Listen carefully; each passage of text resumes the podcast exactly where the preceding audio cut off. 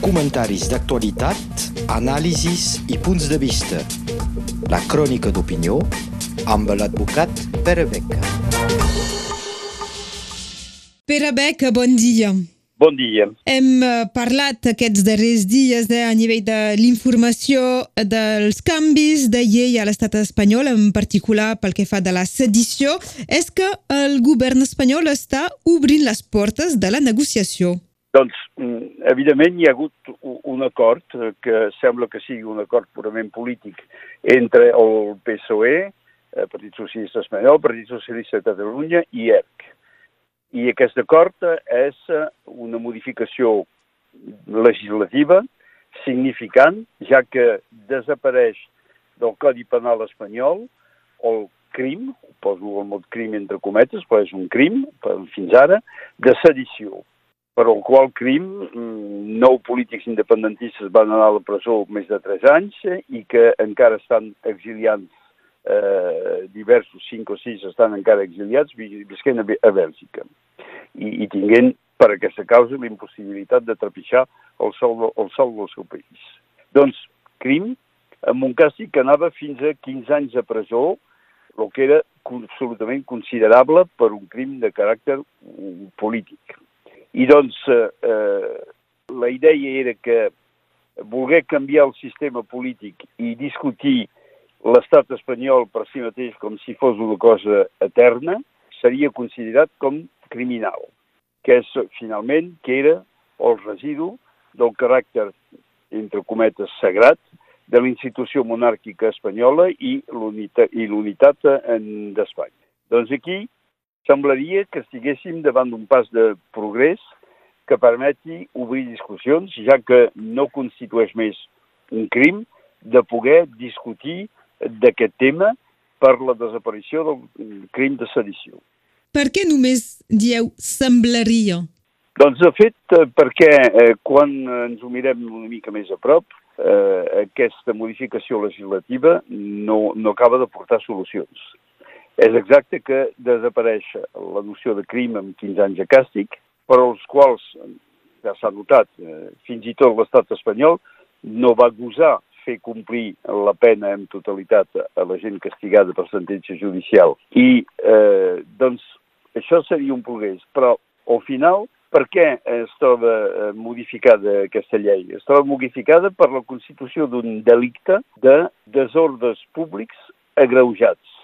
És a dir, un delicte pur i simplement polític i castigat fins a 5 anys de presó. La sedició els hi posava problema a l'estat espanyol perquè no existeix amb les altres legislacions, i especialment la belga. I doncs que era per aquesta raó que no es podia donar pas a l'extradició de Puigdemont i dels altres que estan a Bèlgica perquè els jutges belgues deien no podem extradir algú que no ha comès cap delicte de, cap, de cara a la nostra legislació. Però amb el tema de desordres públics, potser sí que els jutges belgues podran considerar que això constitueix un delicte corresponent eh, més o menys un delicte igual a Bèlgica i podria permetre eh, l'extradició d'aquests polítics refugiats. I, sobretot, la pregunta és, es reinstitueix un delicte de caràcter purament polític. Desordres públics agreujats és una cosa que és purament política. I què consideraran els jutges, i especialment els jutges espanyols, com desordre públic? De manifestar serà un desordre públic? De fer actes de contestació com ho va fer en un moment determinat el moviment Tsunami Democràtic a l'aeroport de, del Prat o l'autopista entre eh, l'estat francès i l'estat espanyol, o senzillament el fet de constituir i de fer funcionar una associació que sigui una associació de caràcter polític, com ha pogut ser, i és encara, l'ANC, o com actualment són els CDRs, això podrà ser considerat com un desordre públic agreujat.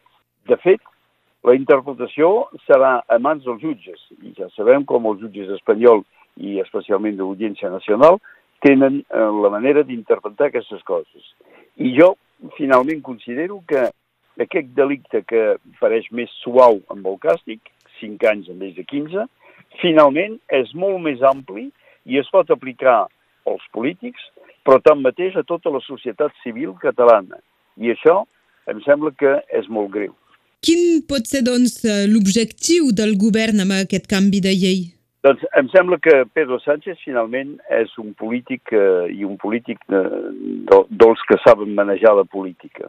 Acordant l'indult i no l'amnistia als presos, va fer un pas, però que només era un mig pas, perquè estan a fora però no estan rehabilitats. I d'aquesta manera ha obtingut, Pedro Sánchez ha obtingut que es desanimi una part del moviment a favor de la independència o, per lo menys, el moviment humanitari a favor dels presos polítics. Són castigats, però ja no són a dins i el moviment s'ha anat afluixant. Suprimir la sedició és la mateixa manera de pensar les coses.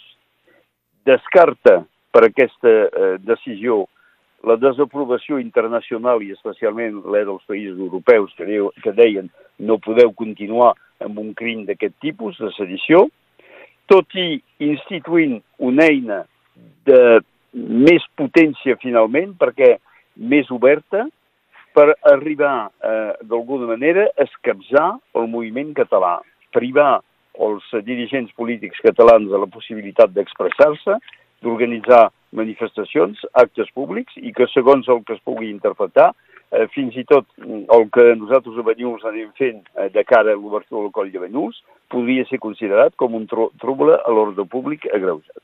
I per tant, amb una aparència d'obertura i de voluntat de negociar i de discutir, Pedro Sánchez arriba amb un resultat exactament contrari, i a més d'arribar amb un resultat contrari de fer un perill més gran per als polítics catalans que reivindiquin independència, ha arribat a desunir el moviment català, això ja ho hem vist i ja ho hem comentat, i el fet que ERC en aquests moments eh, està fent passos del banc eh, del socialisme espanyol i del Partit Socialista Català, i deixant, o Junts ha deixat la coalició, però si Junts ha deixat la coalició és que precisament la política portada endavant per Pere Aragonès no era precisament independentista. I doncs, d'aquesta manera, Pedro Sánchez ha arribat a desunificar el moviment catalanista, treure la seva potència i està, de moment, en camins per guanyar aquest joc. Ara bé, poden passar moltes coses i especialment que si hi ha extradició de Puigdemont i dels altres ministres que estan a Bèlgica o a l'estat francès, potser tornarà a aixecar això, si els fiquen a la presó, tornarà a aixecar això un moviment popular més ampli. Esperem que eh, podem, poguéssim arribar a solucions que eh, evitin a tots aquests polítics d'anar a passar per la presó i que evitin de eh, tenir moviments que es poden agreujar. Això és el que podíem dir eh, avui en companyia del Pere Beca. Moltes gràcies. Gràcies a vosaltres i gràcies per escoltar-me. Que vagi bé. Adéu, bon dia. Bon dia. Comentaris d'actualitat, anàlisis i punts de vista. La crònica d'opinió amb l'advocat Pere Beca.